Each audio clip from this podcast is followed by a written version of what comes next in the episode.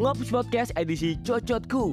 Warna baru politik Indonesia bernama Aldi Taher Belakangan ada banyak case dari aparatur negara yang bikin pusing masyarakat awam Mulai dari polisi, pegawai pajak, korupsi BTS, dan bentar lagi bakal disambut tahun pemilihan baru Pasti udah siap dengan segala kerendemannya yang bakal buat konsumtor informasi kayak aku jadi pusing. Ya, di tengah itu muncullah makhluk Tuhan dengan kerendeman yang natural dan ini bukan gimmick politik ya. Jujurnya aneh dan poin pentingnya dia menghibur. Ya, Aldi Taher.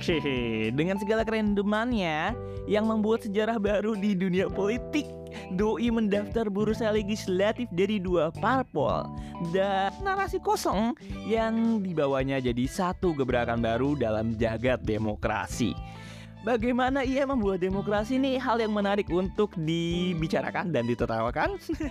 Mengeluarkan gagasan yang unpredictable-nya menghibur Namun memberikan percikan untuk berpikir. Kok ada ya manusia kayak gini? Mungkin beliau jadi representasi netizen. Dari segi karakter Ya beliau bisa lah jadi DPN alias Dewan Perwakilan Netizen. Di lain itu kegemparan gebrakan ini direspon dari segala lini media Mulai dari media cetak, koran lokal, hingga majalah ya. Dari TV nasional ada acara hiburan ngomongin dia. Hingga wawancara langsung dari TV yang beritanya itu ya berita banget aja. Hingga ya udahlah sosial media nggak usah dibicarain lagi Ini orang pasti banyak yang ngomongin dia. Mulai dari yang mainstream sampai yang nggak terjamah pun membicarakan beliau dan tak terelakkan dari ekspansi nama besar ini. Bahkan Om Botak yang biasanya angkat isu nasional pun menjadikan nama beliau ini topik utama yang diperdebatkan cuy. Bisa terlihat lah makhluk ini tuh valuable banget lah tapi disclaimer dulu ya, ini bukan kampanye tersembunyi. Tapi memang pribadinya layak disukai aja sih Karena emang menghibur Ya, ada beberapa hal positif yang bisa diambil dari Bupati Coldplay ini. Seenggaknya bisa bikin apa ya Jadi reason beliau bisa jadi refreshing hiburan politik Selama satu tahun ke depan. Pertama nih ya Dia punya cara kampanye yang kreatif and anti mainstream Anti black campaign cuy Penting banget gak tuh Dia punya cara beda buat berkampanye Yang tanpa modal dan malah menambah pundi-pundi pergerakan dia Mulai dari konser datang ke acara kanal media sampai jualan kaos atribut partai. Gile, bre. Biasanya orang tuh ngebagiin loh. Ini tuh jual. Dan gue rasa ya ke depannya masih banyak kerendeman-kerendeman lain yang bakal bikin orang geleng-geleng ya. Next dari sisi diksi dan argumen yang hmm, konsisten ya nggak bisa dilawan. Ah, ya gimana ya? Apalagi kalau bukan argumen agama. Ini bukan hal yang bisa dilawan dan bukan hal yang lucu juga sih. Uh, jadi saya pun nggak bisa berdebat kalau hal ini.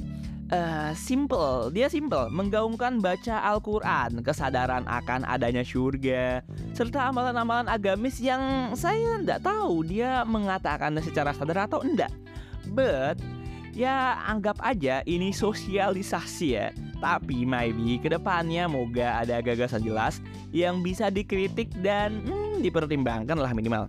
Selanjutnya dari seni mendeliver pesan yang distraktif Dari mulai lagunya yang uh, Ya sekali ya bang Bayangin aja dia bikin lagu Jangan mas bijiku Dan segala macam. Lagu yang ini Kuping tuh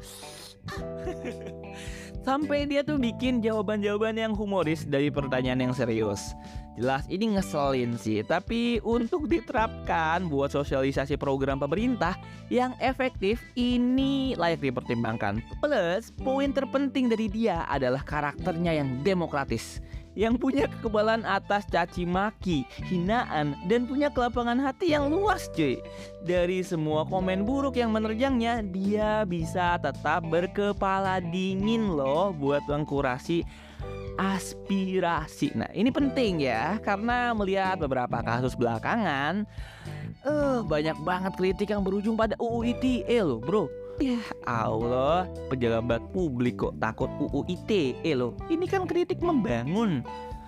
Ya, kalau beliau sudah lah ya, pria super ini cukup mumpuni untuk menangani hal-hal yang kayak gitu. Dan dia punya satu kata penyemangat yang selalu dia gaungkan di setiap interview yang dia datangi adalah buat beli popok anak. Itu powerful banget, Bapak able banget. Dia cocok jadi pemimpin yang akan membuat DPR maybe akan berpikir, eh hati-hati jangan deketin dia. Nanti dia bakal rekam posting. Bahaya. Aduh. Tapi itu bagus sih buat transparansi DPR kali ya. Ya saya berani bilang untuk satu tahun ke depan sosok Aldi Taher sangat dibutuhkan untuk menjaga kewarasan kita melihat dunia politik Demokrasi yang asik, penuh kreativitas, dan kesempatan terbuka untuk siapa pun dengan pendapat apa pun yang mau berperan di dalamnya Nah, kalau masalah pemilihan umum ya saya sih kutip pria yang sangat low profile ini. Jangan pilih Aldi Taher. ya begitulah Aldi Taher, pria penuh cinta dengan siapa pun ya. Sebuah oase baru yang bisa jadi penyegar saat mengkurasi gagasan pemimpin-pemimpin yang akan datang warna baru dunia politik yang tetap dengan pendiriannya di beberapa interview? Jawabannya simple, jangan pilih saya. ya itulah Aldi Taher. Jangan dipilih kasihan nanti Om Ded jadi keluar planet ini.